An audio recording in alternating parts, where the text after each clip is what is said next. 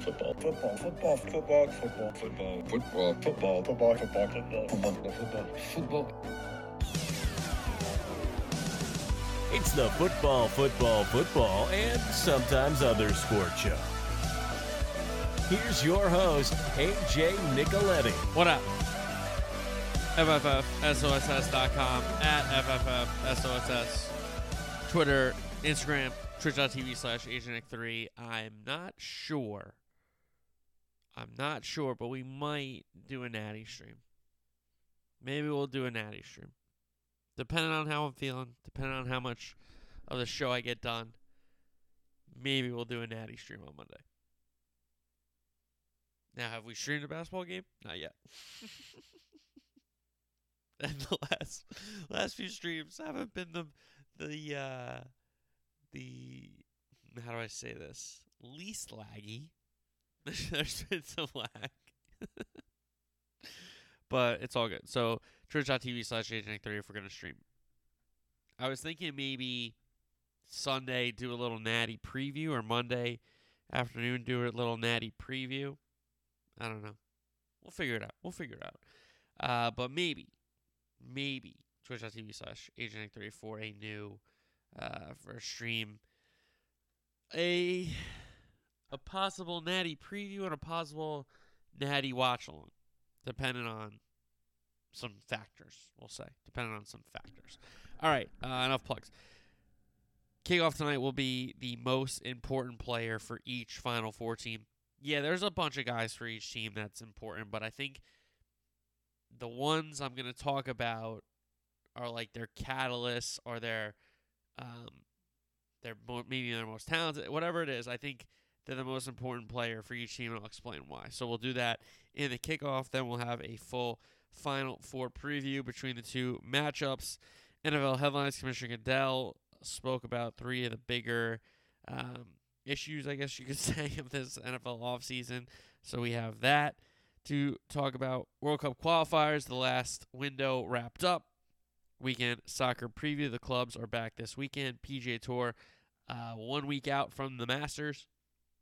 Valero Texas Open, pretty good field, pretty good field for the uh, Texas Open there. And um, with Masters next week, we got some things to talk about with a certain uh, Eldrick Tont Tiger Woods. So we'll save that for the end of the program. Again, we'll do most important player for each Final Four team in the kickoff, Final Four preview after that, NFL headlines. Then we'll do soccer World Cup qualifiers recap, weekend soccer preview with the club matches back this weekend, PGA Tour, and more. Okay, kickoff. The most important player for each Final Four team. All right, and we'll go through it and then we'll do a little deeper dive. Kansas. For me, it's Remy Martin. When Remy Martin's playing really good basketball, when he's not turning it over, when he's being efficient, he can win a game by himself. Okay, so Kansas's player is Remy Martin for me. For Nova, everyone knows I love Gillespie, but Jermaine Samuels has been really, really good this tournament. And if Nova down Justin Moore is going to make a big move, you know Gillespie's going to step up. And I really believe Samuels will step up and have a huge game. And he's got to be the best big in that game for me. Over the other one, Duke, UNC. Paolo for Duke, Brady Manek for Carolina. Paolo has to be the best player on the floor. He's scoring it pretty well in the tournament. And then when you take a look at Carolina, Brady Manek, to me, is the best transfer um, in college basketball. And he's been going off in March. He's been having some big games. Yes, he got kicked out of the game against Baylor, and then Carolina almost blew that lead, and they go to overtime, but they find a way to win. But yes, Bacot will be huge. Yes, the guards have to play well, but Brady Manek can change that game the way he can stretch the floor. So back to Kansas and Remy Martin. In the season, he didn't play a ton of games. You know, transferring in, getting hurt, getting acclimated to Bill Self style basketball. It was a slow kind of progress for Martin, but now, you know, when the games matter the most and in the conference tournament, he stepped up a little bit as well. But here he is in the NCAA tournament. Nine a game in the regular season, 17 a game in the tournament. He has been hurt But once he's been worked and integrated into this Kansas rotation and, you know, playing big minutes, maybe not starting, but still playing big minutes, he's the catalyst for the Jayhawks. Because, yes, Agbaji and Wilson and McCormack and Brown and, you know, Harris handles the ball and is a really good guard, but he's just a role player. Remy Martin can do almost all the things those guys can do, especially the guards, and do it a lot better than them. You know, Brown can shoot it, but Remy can shoot it better if he's feeling it. You know, Harris can get into the lane, but he can't really score. Remy can.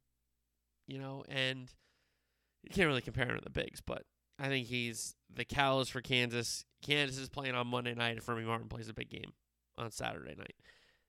Nova, Jermaine Samuels, 11 and 7 during the regular season, 18 a game in March.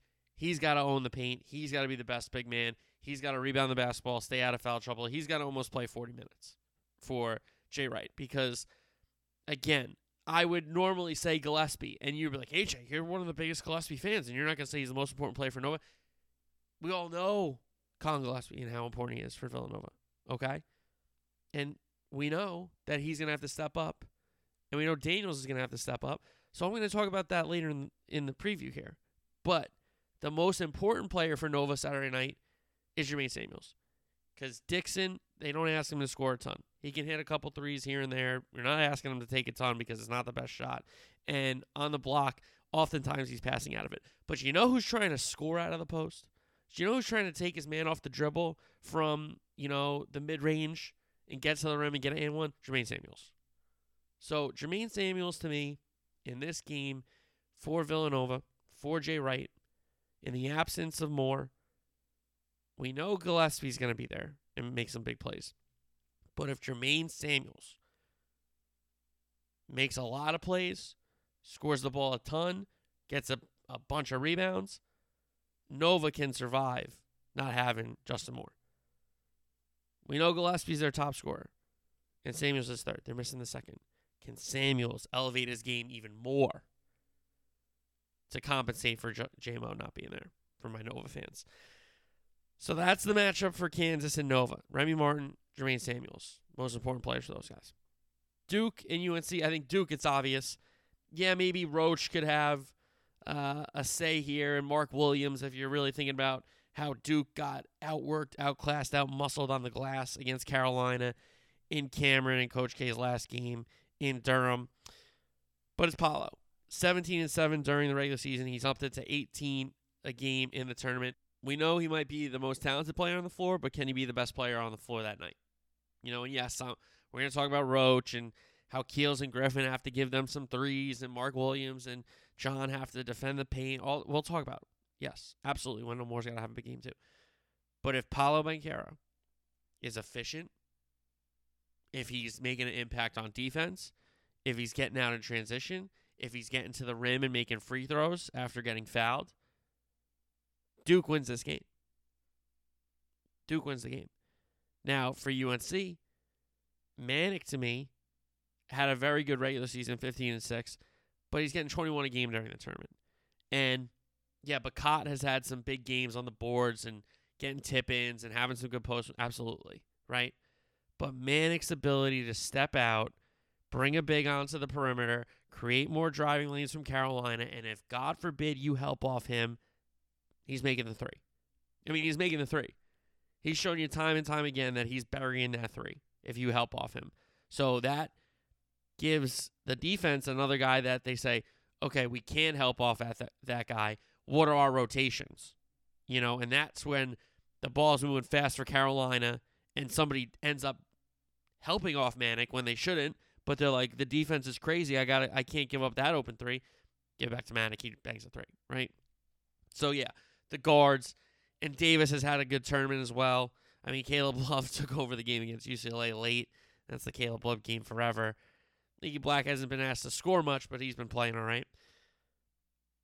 And is a really good player. But if Manek goes crazy, if he makes f- four, five, six threes, you know, works on the rebounds, you know, makes it a tough uh, cover on offense, you know, these things – affect half court basketball when you have a big that can step out and make three after three after three and you can't help off him.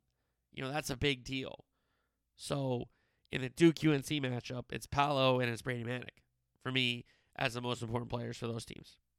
So Remy Martin for Kansas, Jermaine Samuels for Nova, Paolo Banchero for the Dukies, and Brady Manek for the Tar Heels. Those are the four most important players for me on each team. So the number one guy on each team as we look ahead towards Final Four Saturday in New Orleans. Saturday night is going to be very exciting. So let's dive into these games now a little bit more.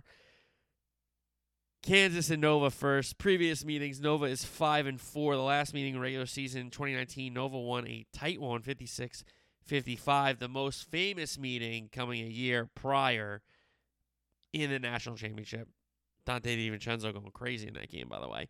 Nova won at 95 to 79.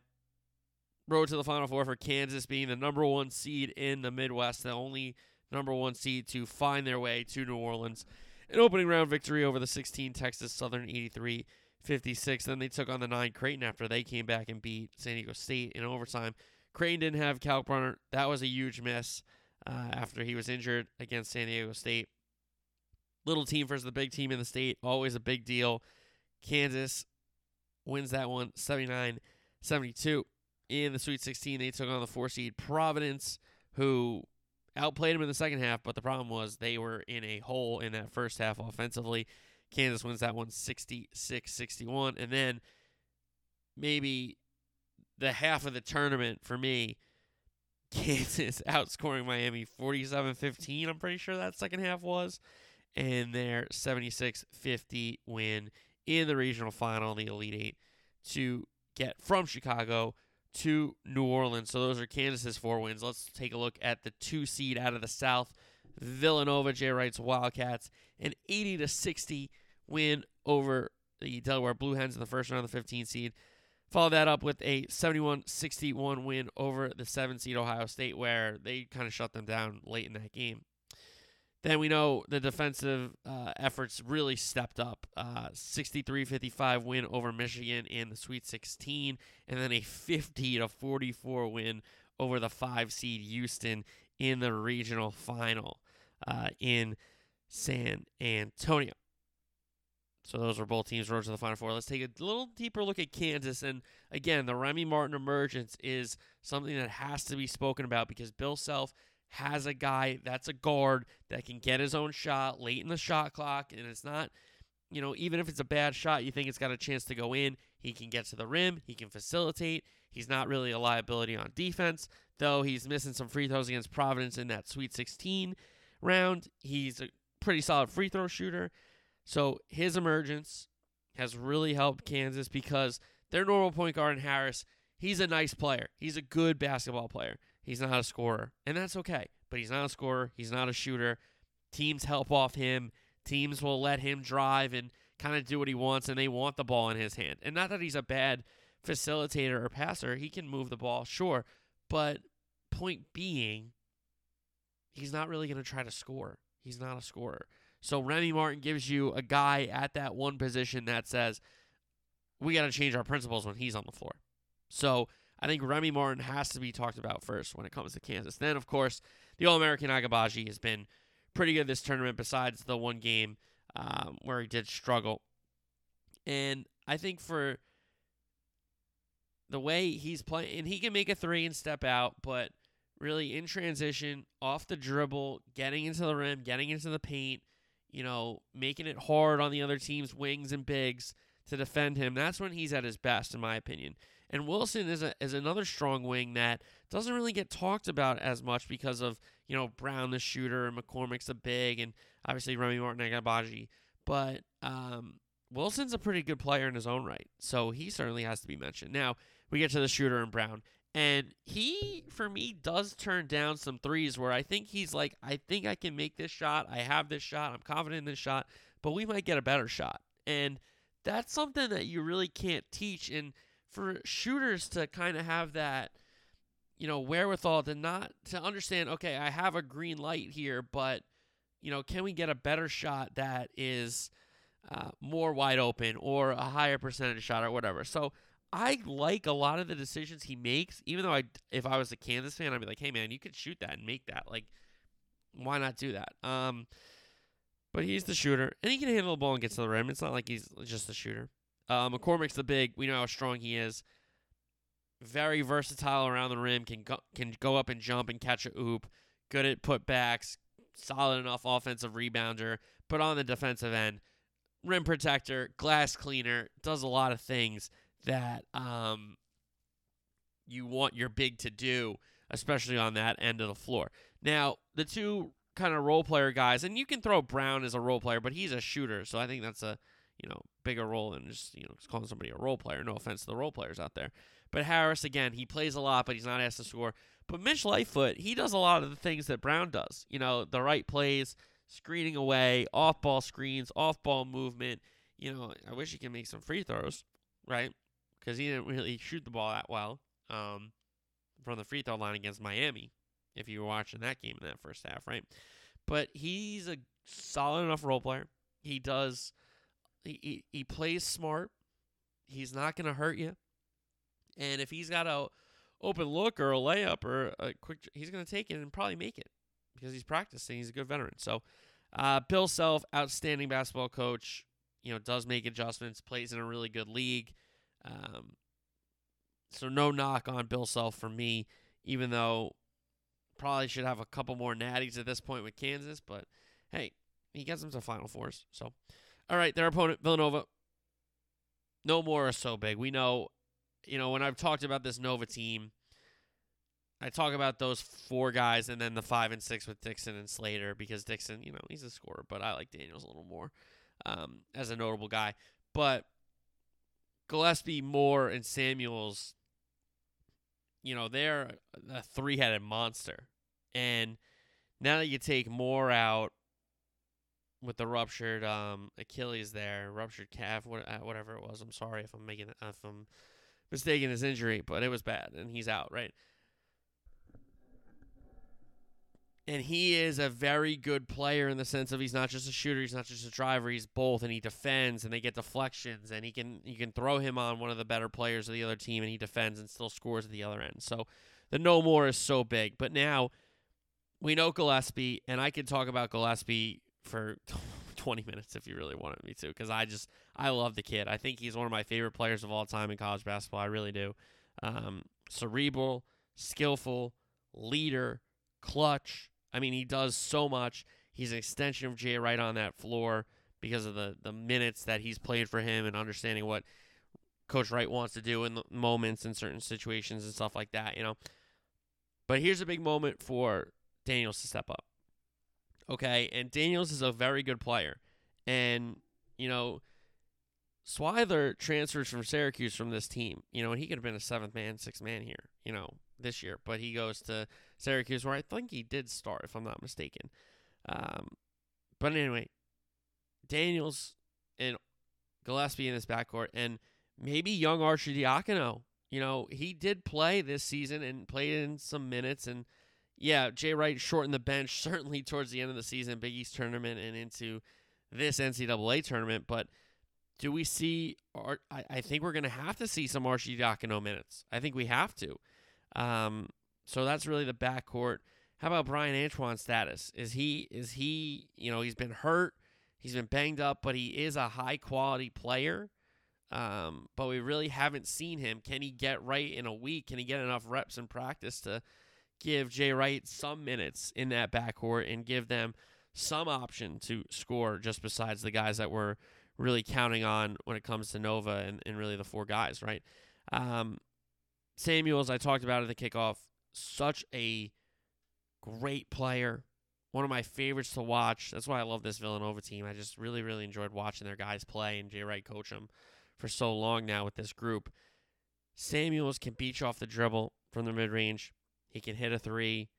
He can offensive rebound. He can defensive rebound. He plays good defense. He doesn't try to foul. He can test shots. You know, he does so much as like a stretch four, stretch five that he like I said I just said he's one of my favorite players to watch. He really is. This Nova team, they're great. So I think him and Gillespie both have to have 20 plus.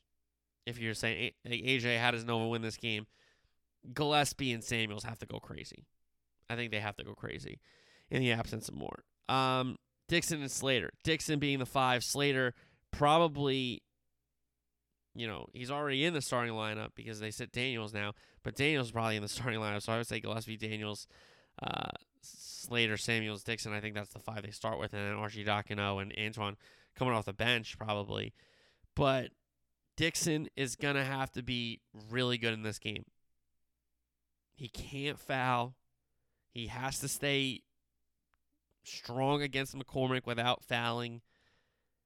They gotta rebound the basketball on both ends, specifically the defensive end. If they if they're not gonna get a ton of offensive rebounds, uh, it's okay. Like they can still shoot it well enough and defend well enough to be in the game, but they cannot get beat on the defensive glass. If Kansas is getting you know six, seven, eight, nine, ten offensive rebounds, like that's that's trouble for Villanova.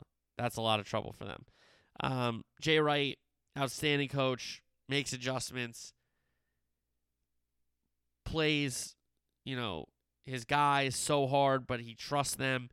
Does he trust Arcidiacono? Does he trust Antoine in, in big spots here? We'll see. We'll see Saturday night. So how do how do both teams win this game? How does each team win this game? Well, Kansas, if they dominate the paint, if they shoot efficiently, if they rebound the ball really well and they don't turn it over, they win the game. I think if their bigs in McCormack and Agbaji and Wilson, if they play better than Dixon, Slater, Samuels, Nova's in, in big trouble. Nova's in big trouble there.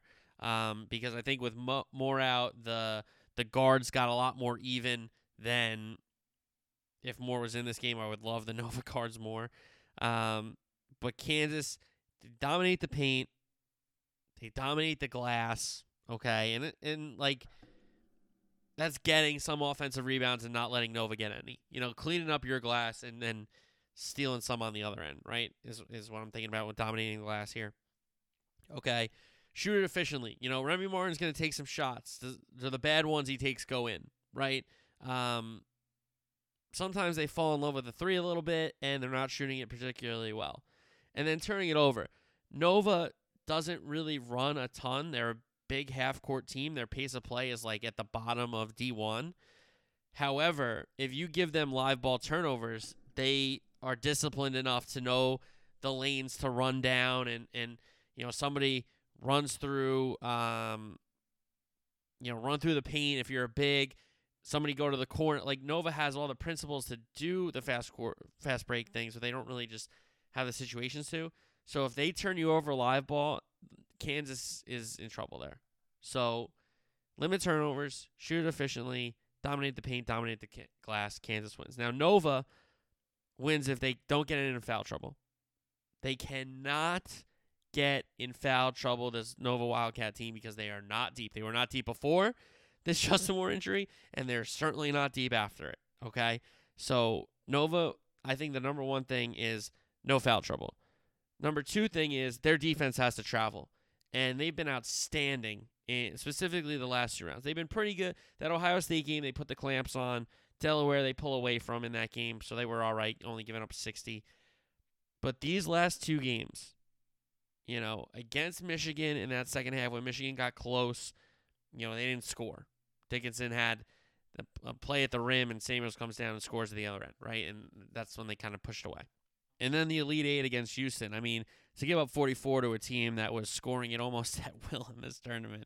And Kelvin Sampson said it like they were getting stops against Nova, but – Nova just kept stopping them, and they weren't getting, you know, any closer in the score, even with those defensive efforts. And that that's demoralizing. You know, when you get stops and you can't convert and, and knock into a lead, like that hurts because you're like, oh my God, we're doing everything, but we can't get our offense going, you know?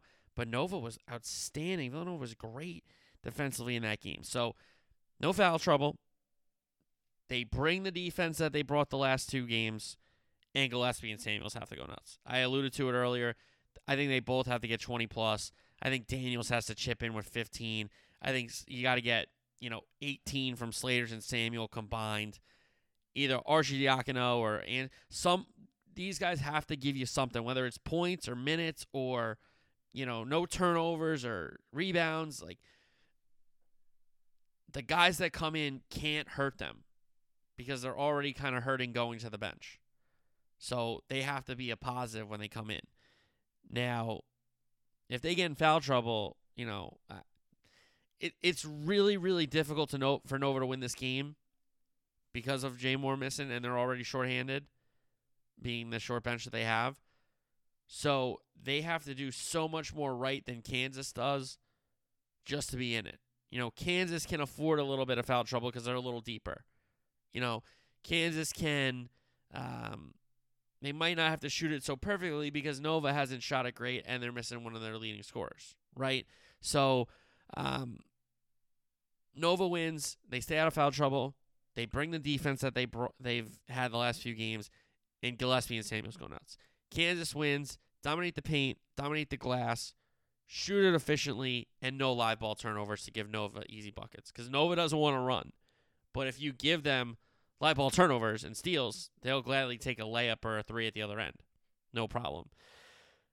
I told you I'd pick Nova to win this whole thing early on. You know, when we were previewing, when we were filling out the bracket. I told you I love this Nova team for a long time. But I, I just I don't know if they can overcome missing Moore, and it, and it really sucks because I would have loved them in this spot if they were at full strength. I would have loved them in this spot at full strength. Um, so I think Kansas wins the game. I think Kansas wins the game. Not that they've been gifted a trip to the Natty here, because they've played some pretty good teams. Uh, maybe just some higher seeded teams than they thought they would. But I think Kansas has more leeway for mistakes where Nova almost has to play a perfect game. Now, can Nova do it? Absolutely. And I'll be rooting hard for him. I will be. Because I love the coach. I love a lot of those players. And it really sucks what happened to Moore. But I just think Kansas has more bodies. They're not, he doesn't have to play a short rotation so he can keep bringing in fresh guys that have played minutes for him. In, you know, I'm talking about Bill Self here. So I just think Kansas has more leeway for mistakes, for things maybe to not go their way and still be in the game. Whereas if things don't go Nova's way, I think they're in trouble. I think they're in a lot of trouble. So we'll pick Kansas in the first game. And then the most anticipated, the biggest game in I think the sports history. You know, you can tell me about 79 with Magic and Bird, I'm sure. The importance of that game cannot be measured. But with what's at stake for Duke and North Carolina on Saturday night, given the rivalry, given Coach K, given that these teams have not met in the NCAA tournament, and Duke could avenge the Durham loss and get to another national championship and have one more game for Coach K and be 40 minutes away from sending Coach K into maybe one of the greatest retirement um, victories of all time. Or Carolina is 40 minutes away from ending Coach K's career. The stakes, I don't think, have ever been higher. Okay, and these teams have played in ACC title games, but they've never played in this tournament. And the fact that is it, it is a Final Four, and yes, a Natty would be technically bigger for sure, but we haven't had that, and that's hypothetical. Where this is reality. Duke, Carolina, Saturday night, a spot in the national championship game. Coach K. This could be his last game, or he could have his team play for a natty. Carolina. I talked about it on Tuesday's show. What a jump start to Hubert Davis's career at Carolina as the head man would be here. Not only knocking off K at Durham in his last game there and, and leaving a, a mark on that legacy forever, right? That night forever. But if Hubert Davis and the Tar Heels pull this off again and they beat Duke and they end Coach K's career in the semifinal and go on to win a title in his first year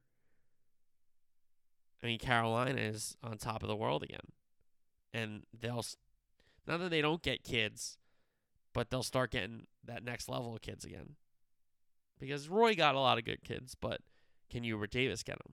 And we know Hubert Davis is doing a lot of recruiting, but it's one thing to do the recruiting, it's another thing to be the head man, right? So the previous meetings, we know none in the tournament. Duke blew out Carolina at Chapel Hill. UNC got revenge and ruined Coach K's last game at Cameron. The teams did not meet in the ACC tournament. The road to the Final Four. Duke is the two seed in the West. A first round 78 61 victory over the 15 seed Cal State Fullerton. Then pulled away at the end of the game against Michigan State, the 7 85 76. Then in a absolute classic Sweet 16 game, Duke wins it 78 73 over the three seed Texas Tech. And then they took on Arkansas in the Elite Eight regional final out in San Francisco.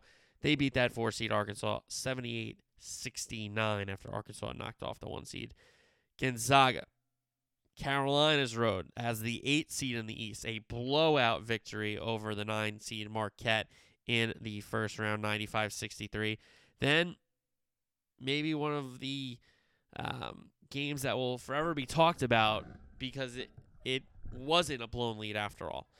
Brady Manek up 25 gets a flagrant two against the number one seed Baylor, and Baylor ends up closing that game to tie the game, go to overtime, end up losing the game. Carolina won at 93-86 in overtime, but Baylor showed the fight of a champion to get back in that game after the Manek ejection, but Carolina held on and advanced to the Sweet 16 when they took on the number four seed UCLA in an absolute proper blue blood contest. And the Caleb Love game, this will be known as because down three, he hits a three. Next possession, he hits another three to put Carolina up three and uh, win that game eventually 73 66 over Mick Cronin's UCLA Bruins. And then finally, in the Elite Eight, the regional final in Philly, the Cinderella St. Peter's run ended a convincing, a wire to wire, a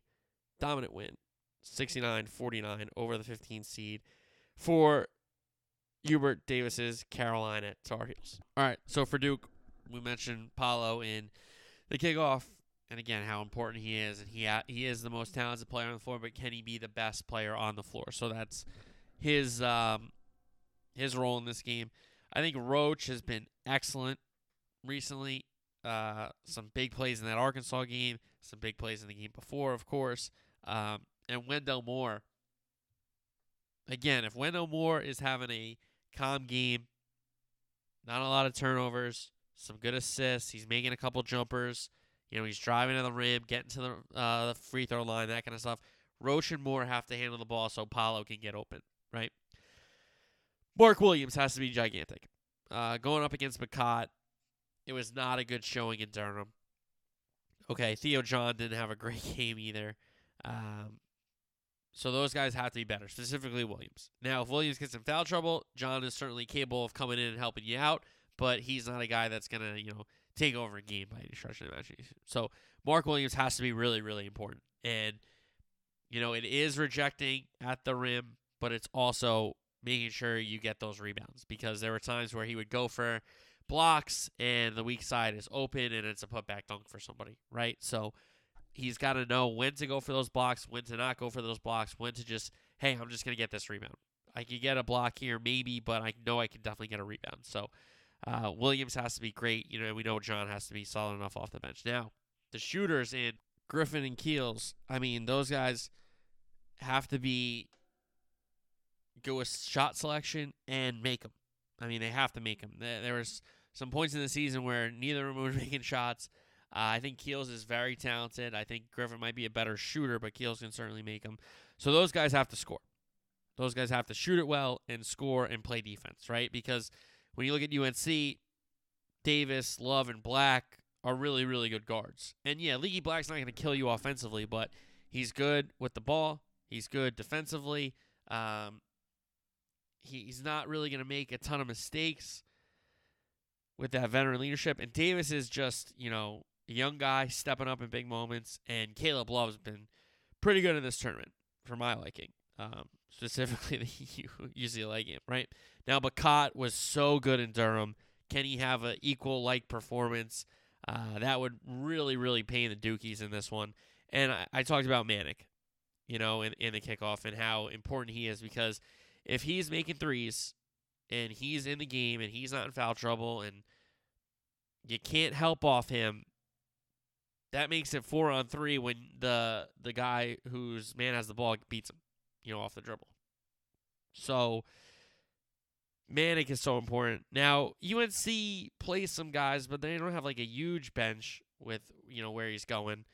So, uh, Garcia off the bench plays forward for them, but he's not really asking a ton from a lot of those bench guys. Okay? So, Duke wins if Paolo and Roach play well. Williams owns the glass, and the rest of the supporting cast between um, Griffin and Keels and Wendell Moore, those guys play well. So Paolo and Roach have to score it, have to be efficient, can't get rattled. Okay. Williams has to be maybe play his best game of his young career. Okay. That could be that could certainly be um, a factor if he's great on the glass defensively. And again, the supporting cast has to answer the bell. You know, Wendell Moore, Griffin, Keels, when they're called on to hit a big shot, they got to hit a shot. Now, Carolina, on the other hand, Carolina wins if their guards play better than Duke's guards. You know, if RJ Davis and Caleb Love each have like 22, 24, and the Duke guards are struggling, that's an easy recipe for Carolina to find themselves into the final on Monday night. But Bacot has to get a double double, and Manek has to have 20 plus. So I think it's threefold for Carolina as well. If their guards play well, if Bacot dominates the glass on both ends, he's getting offensive rebounds, he's getting tip ins, he's batting the ball out to the guards for threes. You know, he's controlling the glass on the defensive end. And then Manek's got to go crazy. Manek, if he's hitting threes, um, I really, really think that uh, Manek could be the difference maker in this game for sure for sure. The pick, I have to lean Duke. I don't think I think this. I think they lost the game in Durham so they can get back to this point and have another chance at Carolina because the way Carolina's playing, they certainly deserve to be here. So I'm I'm okay with them being here, right? The way they've played in the tournament. But the point being, for me, it's set up for Duke. It's set up for to be a storybook ending. You know, He's finally made a Final Four in New Orleans. He's finally made a Final Four coming out of the West region. Carolina and Duke are finally going to play each other. You know, I think there's just a little bit too much going for Coach K to. Now, does that worry me? That the narrative might just flip on him and be like, ah, yeah, it does worry me a little bit. And Carolina's no team to sneeze at, obviously. However, for some reason, I'm thinking storybook here and not nightmare for Duke. Uh, so I have Duke, Kansas, and I have Duke winning that game. If it's Duke Nova, I think Duke wins. I, I really think whoever wins the Duke Carolina game is winning, even if it is Carolina. And yes, will they expend a lot of energy on Saturday? Absolutely, but they have all Sunday and basically almost all Monday to recover and get ready for Monday night. So that's what I'm thinking there. I think Duke and Kansas play on Monday night, and Duke finds a way. If Nova had Justin Moore, I'd love taking Nova in that spot and have full confidence. I just don't have full confidence in a not fully loaded Nova gun. I don't. I don't. And it sucks I do love that Nova team for sure. All right, let's go to some NFL headlines. And the commissioner addressed the media about the three biggest kind of media uh, or legal issues, sorry, uh, surrounding the league. So we have the Sean Watson quotes up first. Goodell, quote, Our people are working on the investigation. Obviously, these are serious charges. We're looking at it seriously. We now have, obviously, at least one resolution from the criminal side of it. Obviously, how many times am going to say obviously? There are still civil charges that are going on, so our investigators hopefully will have access to more information, and that will be helpful, obviously, in getting to the conclusion of what are the facts and what is violation of the personal conduct policy. But that determination will be made by a joint disciplinary officer that was established by the NFLPA and the NFL. She will make that decision when the facts are in. We'll see. There's no time frame on that. That's something that they will make the determination of when to do that or who to do that with. They're the ones that meet with some of the people that have information what we want to know. We will speak to everyone we could to get a perspective and try to get to the bottom of the facts. We've been very clear with every club whether the criminal matter gets resolved or not. The personal conduct policy is something that's very important to us.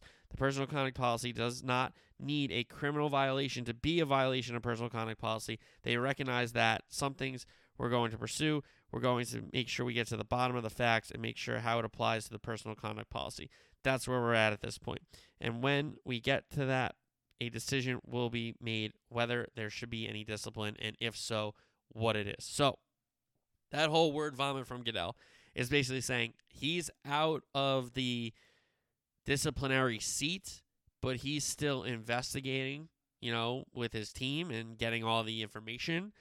And even though Deshaun Watson has sat out a season and, you know, hasn't played, he's still subject to punishment from the personal conduct policy of the players. So that's a huge, as Jerry Simon would say, matzo ball you're leaving out there, Georgie. Okay, so uh, that's where we're at with Deshaun Watson. He can still be reprimanded by the league due to the personal conduct policy. It does not need to be a uh, criminal, by the way. All right, the Commanders lawsuit now. Here we go. Quote Dan Snyder has not been involved in day to day operations. I don't believe he's been at the facility at all, and we continue to have league matters. Tanya has represented the team as a CEO both on the day to day basis, but also here at the league. She's representing the club at the annual league meeting. That will continue for the foreseeable future. Dan and I will talk at some point. So I don't think that's true, but that's where Goodell is with the Commanders. And now the Flores lawsuit. Quote, I'm not doing that investigation. Uh, Mary Jo White is doing that investigation, former Securities and Exchange Commissioner chair. So the SEC is doing that investigation, and she will have our full support and the full support of the team. She will make the determinations on all that. There is no timetable on for her to bring that report. When we have it, we'll certainly move forward. So, a lot of when we'll have this information, we'll let you know. So that's where we're at after the Goodell address the media. All right. So if Deshaun Watson's punished, why would the Browns trade Baker Mayfield? And that's kind of what they're talking about. Browns GM. Baker is a professional. He's under contract, and we have the flexibility whether he's on the roster or not. So we don't really feel pressured to rush into anything that's suboptimal. So basically saying, hey, man, we're not just going to trade you because you want to start somewhere and you want to get out of Cleveland and play somewhere different. We're not. We're just not going to do that. We're going to wait to see if Deshaun's suspended and you're playing for him, or we're going to wait to trade you when we can get a great offer and not trade you because you asked to go. So kind of sucks for Bake. Uh, Ravens and Harbaugh extend uh, have a three year extension, so John Harbaugh will still be the coach in Baltimore. Yo. Jets are trying to trade for DK Metcalf apparently. So that would probably take a lot because Seattle would then really signal that they're blowing it up now that give whoever's going to play quarterback for them not the number one weapon in DK Metcalf. Yeah, Lockett's really good, but Metcalf is a game changer for me. Uh, so the Jets trying to trade for Metcalf. Seems like they're going to draft offensive line early and try to go get a receiver instead of hope on one of these receivers in the draft. Jabril Peppers is going to the Pats for a one-year deal, Jersey product, Michigan product, uh, headed up to New England to play for Bill Belichick. Sean McVay had a great quote about Bra- uh, Brady coming back. Quote, I'm thinking, beep, man, can we get this guy the hell out of this league? that was really funny. That's a good quote from McVay. Uh, Brady had a good uh, gift response to that. Irsay, uh, the owner of the Colts, some harsh quotes about the Indianapolis loss, saying basically, you know, your quarterback, your stars got to get you through that game. If you play that game well in the first quarter, Jacksonville is going to try to get to the locker room and end the game because it's so late in the season. Um, some tough quotes about Wentz specifically. That quote was kind of veiled, but uh, him basically saying that uh, it's a, it was a mistake to bring him in, and you got to get rid of your mistakes as soon as possible. uh, so that's tough. The Saints are adding Andy Dalton to their quarterback room, and that means Taysom Hill is going to go play tight end. So the Taysom Hill quarterback experiment seems like it's going to be over unless they do some Wildcat stuff, which I wouldn't be shocked by. But it looks like Jameis Winston and Andy Dalton will fight that out for the starter in the Superdome. Malcolm Jenkins is calling it a career. The former Eagle and Saint, uh, really good safety. Uh, certainly made some big plays for both of those teams in their playoff runs, so Malcolm Jenkins calls it a career. And the NFL owners approved the OT, but only for the postseason, so both teams will get to touch the ball in the postseason. All right, enough NFL. Let's get to some footy. World Cup qualifiers start with CONCACAF. The U.S. men's national team is in regardless of a 2 0 loss to Costa Rica. They still qualify. Jamaica beat Honduras 2 1. It was too little too late for Jamaica. Mexico beats El Salvador, so Mexico is in, and Canada lost to Panama, but Canada had already clinched their uh, historical trip to the World Cup. UEFA, Poland and Sweden. Poland wins 2 0. Lewandowski at PK. That sends Poland through to the World Cup. Portugal and North Macedonia, a Bruno brace, Bruno Fernandes brace 2 0 Portugal. They beat North Macedonia, who pulled off that upset over Italy. And then again, Wales to be determined against who they're playing. CONMEBOL, Bolivia, Brazil. Brazil win at 4 0. Chile, Uruguay. Uruguay win at 1 0. Ecuador, Argentina, 1 1 that one finished. Peru, Paraguay, Peru 2 0. And Colombia and Venezuela. Colombia wins it 1 0 from a James PK. AFCON, leg two of their playoffs. Senegal, Egypt, down 1 0. Senegal got a goal and they advanced after winning on penalties. Now, the Lasers, that really sucks. I mean, the image of Mo's face completely green as he's getting ready for the penalty. That really sucks, and that's disappointing. And I know the Senegalese are going to say, well, the Egyptians did it. The Egyptians did it. How about being above it? You know, how about being above it? Really disgusting stuff there. Uh, but congratulations to Senegal, who a team I always kind of root for, Sadio. Commiserations to Mo and Egypt. Uh, really tough run for the Egyptians, the Pharaohs, getting to the final in the Cup of Nations earlier in the year and having a chance to avenge that loss against Senegal over a two-leg uh, World Cup playoff. Uh, and they go home, and they do not go to the World Cup as Senegal advances there. Now, Ghana, Nigeria. Ghana wins it on away goals. Nigeria very upset about not qualifying. So congratulations to Ghana moving on. Congo and Morocco. Morocco won the second leg 4 1 after a 1 1 first leg. Morocco advances. Cameroon, Algeria. It was almost destined for extra time, but Cameroon advances on the away goal rule. And then Mali and Tunisia. Tunisia won the second leg two. Uh, no, it was a draw. Sorry, in the second leg, nil nil, and their goal in the first leg carried them through to the World Cup. All right, so here are the teams that have qualified to go to Qatar so far. There's, I believe, three spots left. Canada, USA, and Mexico are coming from CONCACAF. In CONMEBOL, which is South America, Brazil, Argentina, Ecuador, and Uruguay. UEFA, Germany, Denmark, France, Belgium, Croatia, Spain, Serbia, England, Switzerland, Netherlands, Poland, and Portugal. From Africa, the CAF, Senegal, Cameroon, Ghana, Morocco, and Tunisia. Uh, the other nations, Qatar, South Korea, Iran, Japan, and Saudi Arabia. So those are the teams that have qualified to go to Qatar in December for the 2022 FIFA World Cup. Draw will be done soon, and then we will know who is in the American group. And uh, Qatar would be really nice. Let's just say that. Qatar would be really nice. Weekend soccer preview. Liverpool have a chance in the EPL to go above City before City play. They take on Watford at Anfield. Big game there. Brighton, Norwich. Uh, Norwich certainly going down. Brighton can try to fight for a top uh, top half finish. Burnley, Man City, Turf Moor. Can Burnley make it tough on Man City, or will Man City run riot uh, against the mismatched Sean Dyche's side? Chelsea, Brentford, London Derby. Um, Brentford have certainly been lively in these matches. Can they pick off a Chelsea side that all of a sudden third place isn't wrapped up? You know, with Arsenal, with Man U, and the other teams the, uh, challenging behind them. So Chelsea has to figure out what lineup is best for them for title.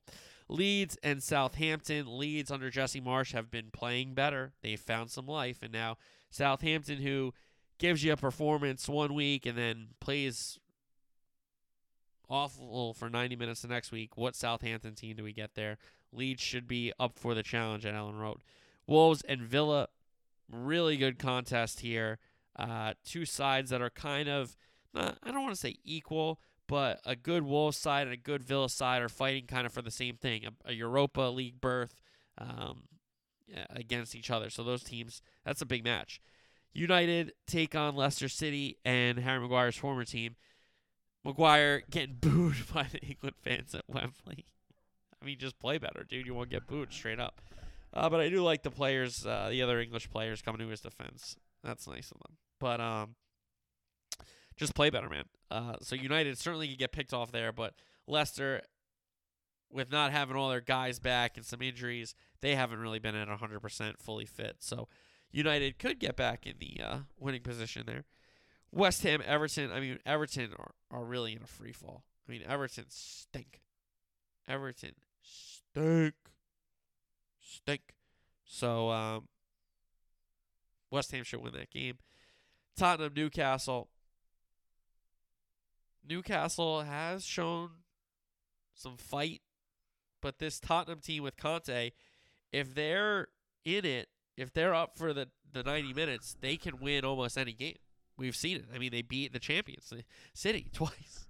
First one was Nuno, but the second one was Conte. That was Conte ball.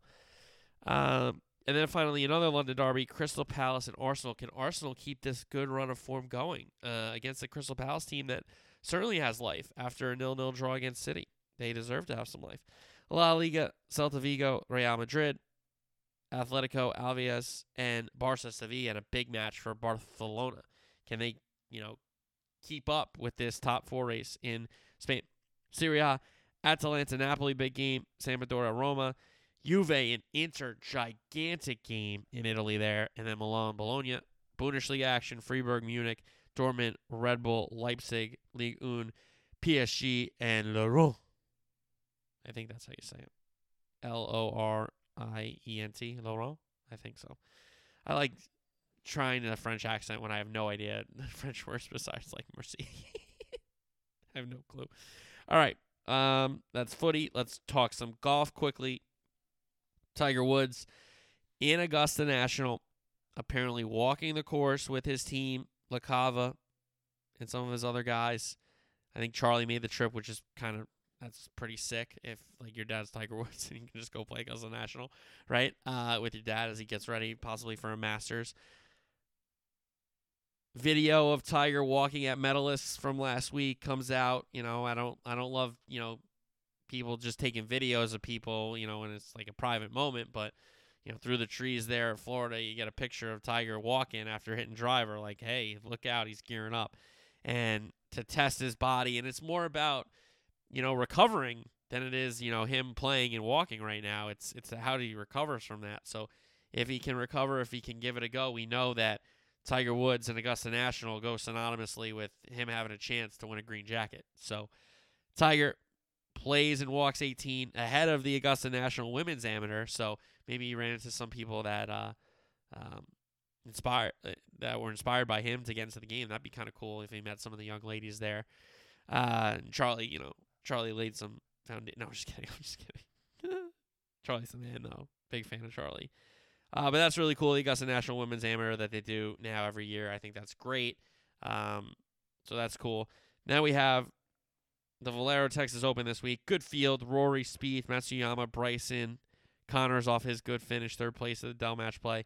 Finau, Bradley, Jason Day, Rickie Fowler. So a good field down there in Texas for the final tune up before the first major of the year. You know, we will preview it with a deep dive preview on next Thursday's show, but next Tuesday's show will be a recap of the national championship. Who will be crowned the men's college basketball champion? And it is a stacked Final Four. It's a great Final Four. I'm excited for this Final Four. It's the most anticipated, the biggest game in the sports history in my mind in Saturday night, Duke and Carolina, with what's at stake, with the rivalry, the fact that they have not played each other.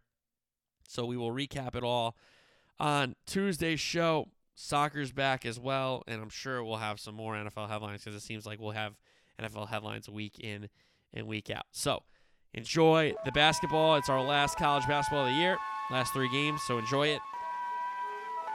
And maybe we'll stream twitch.tv slash AsianNick3. But I'll let you know. So have a great weekend. Enjoy the basketball. Until then, peace.